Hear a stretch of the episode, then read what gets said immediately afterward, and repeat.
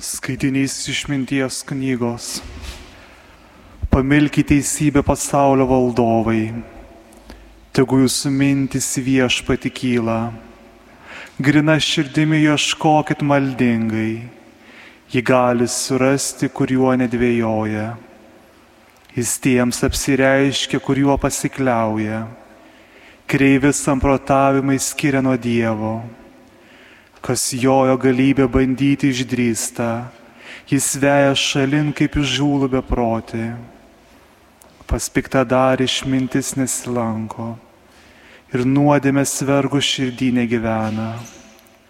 Šventoji dvasia drausmingų kvepėja, ji priešinas klastai nemėgsta paikyščių ir dreba visą neteisybę pamačius Tai draugiška žmogui dvasia išmintis, bet negali nebausti šmeižiko liežuvio. Jo mintis lapčiausios, jog žinomos Dievui. Jis permato širdį, kalbas jo supranta. Pasaulyje pilna gyviešpaties dvasios. Ji apima visą, jai žinoma viskas. Tai Dievo žodis. Amžinybės keli viešpatie, būk man valdovas. Amžinybės keli viešpatie, būk man valdovas. Nespėja mano žodis, liežuvis žodžio pratarti kai tau viskas aišku, apglėbęs iš priekio ir nugaros pusės, laikai ant mane savo ranką. Ne man tą stebuklą suprasti, kaip tu viską pažįsti, ne man juk pasiekti tavo aukštybės. Amžinybės keli viešpatie, būk man vadovas, kur aš pasislėpsiu nuo tavo dvasios, kur nuo tavo veido pabėgsiu jei žengsiu į dangų ir tu tenai būsi, jei leisiuos mirties karalijon, tavęs neišvengsiu. Amžinybės keliai viešpatie, būk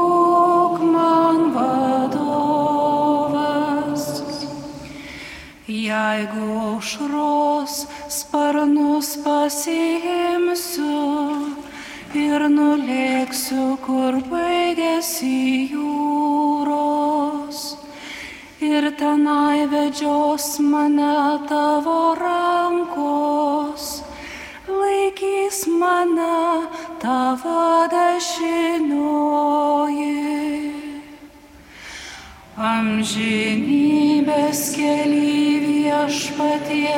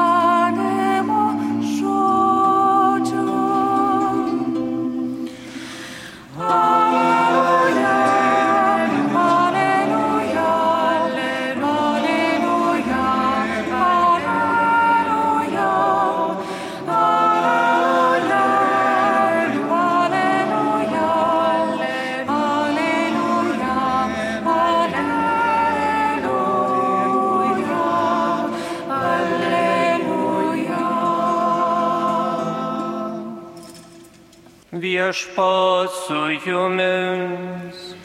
ir su tavimi. Iš Ventosios Evangelijos pagal Luką. Garbė tau viešpatie.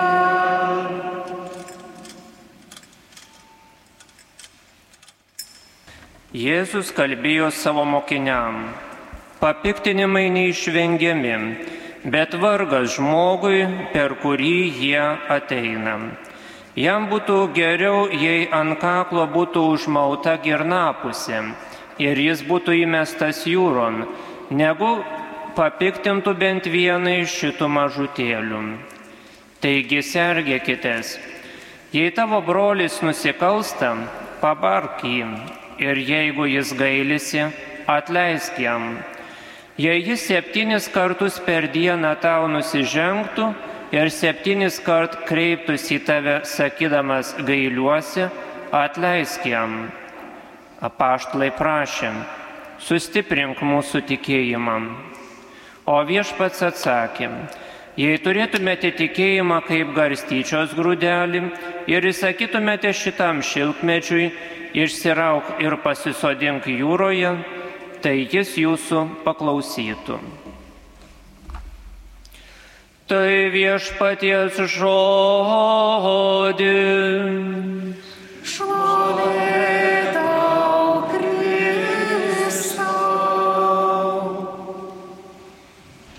Brangieji, šiandien Evangelija pateikia keletą temų, tarp kurių yra ir gailestingumo tema. Jei tavo brolis septynis kartus per dieną tau nusižengtų ir septynis kart kreiptųsi į tave sakydamas gailiuosi, atleisk jam. Brangiai, pabandykime šią Jėzaus mintį įgyvendinti arba bent įsivaizduoti praktiškai. Štai jūsų namiškis ateina ir sako, sudaužiau tavo mėgiamą stiklinę. Gailiuosi, atsiprašau. Nu ką pasakysim, nu menknikis, turime dar tų stiklinių, bet po kelių minučių vėl girdisi dužimas ir vėl jis ateina. Sako, atsiprašau, dabar jau puoduką sudaužiau. Ką sakysime? Na ką padarysi? Būk atsargesnis. Na ir vėl ateina. Sako, lėkštutė jau sudaužiau, atsiprašau. Kur tu žiūri? Kaip tu ten nemokelgtis? Ir tada jau prasideda. Ir taip, jeigu kartuotųsi septynis kart per dieną, kiek mums užtektų kantrybės tai girdėti ir kesti. Save aš truputį pažįstu, tai gal po kokio trečio karto tikriausiai išsprūstų ir koks stipresnis žodis, o kai kam gal netgi ir veiksmas. O Dievas nepavarksta atleisti. Psalmė sako viešpats, kantrus, maloningas. Kantrus atleisti, nes yra gailestingas. Ir popiežius Pranciškus taip pat mums primena, kad Dievas niekada nepavarksta mums atleisti. Tai mes pavarkstame prašyti atleidimo. Niekada nepaliaukime, nepavarkime. Jis yra mylintis tėvas, kuris visada atleidžia. Jo širdis kupina gailestingumo visiems. Ir prašykime, kad mūsų užtartų švenčiausiai mergelė, kuris savo rankose laikė žmogumi tapusi Dievo gailestingumą. Brangiai švenčiame mergelės Marijos gailestingumo motinos atlaidus. Marija ypatingai dalyvauja Dievo gailestingume ir tampa didžiausia mūsų pagalba gyvenimo keli. Šiuo atlaidu tema Šventoji Marija mums yra paraginimas gilintis į mergelės Marijos šventumą. Marija ėjo ilgą kelią, pilną išbandymų ir kai nebuvo jokios vilties, patikėjo viltimi. Jai nėra svetimi ir mūsų kryžiaus keliai. Dėl to ji ir, ir yra gailestingumo motina, nes gimdo viltį mūsų tikėjimo keliuose. Taip, kaip jis skubėjo pas Elžbietą, taip skuba ir pas kiekvieną, norinti priimti ir gimdyti Dievo žodį savo gyvenimą. Jie ateina ir pas mus pasidalinti šią žinę. Brangus broliai ir seseris, visą spalio mėnesį kartu su jūsų arkiviskupu Gintaru teko dalyvauti Vatikane vykusiame viskupų sinode, kuriame dalyvavo iš viso pasaulio suvažiavę atstovai - viskupai ir pasauliečiai, vyrai ir moteris. Ir tikrai pasimatė ta tokia visuotinės bažnyčios patirtis. Mums atrodo, kad mes čia kažkokias turim sunkumus, problemas, jas sprendžiame, bet kai pamatai, sutinki ir išgirsti žmonės, kurie yra įvairios veidos spalvos, bet visi tiki ir garbina viešpatį. Tai minė tarsi iš tos apreiškimo knygos, iš visų giminių, genčių, tautų ir kalbų. Ir visiems svarbi bažnyčia. Visi dega meilę bažnyčiai ir ieško įvairių būdų praplėsti Dievo karalystę žemėje. Klauskime ir mes savęs, kaip reikalai su šventumu žemėje. Iš Evangelijos matome, kad apaštalams daug ko trūko ir jie prašė viešpatie, sustiprink mūsų tikėjimą. O Jėzus prakalbo apie garstyčios grūdą. Jei turėtumėte tikėjimą kaip garstyčios grūdą, vyktų nuostabus dalykai.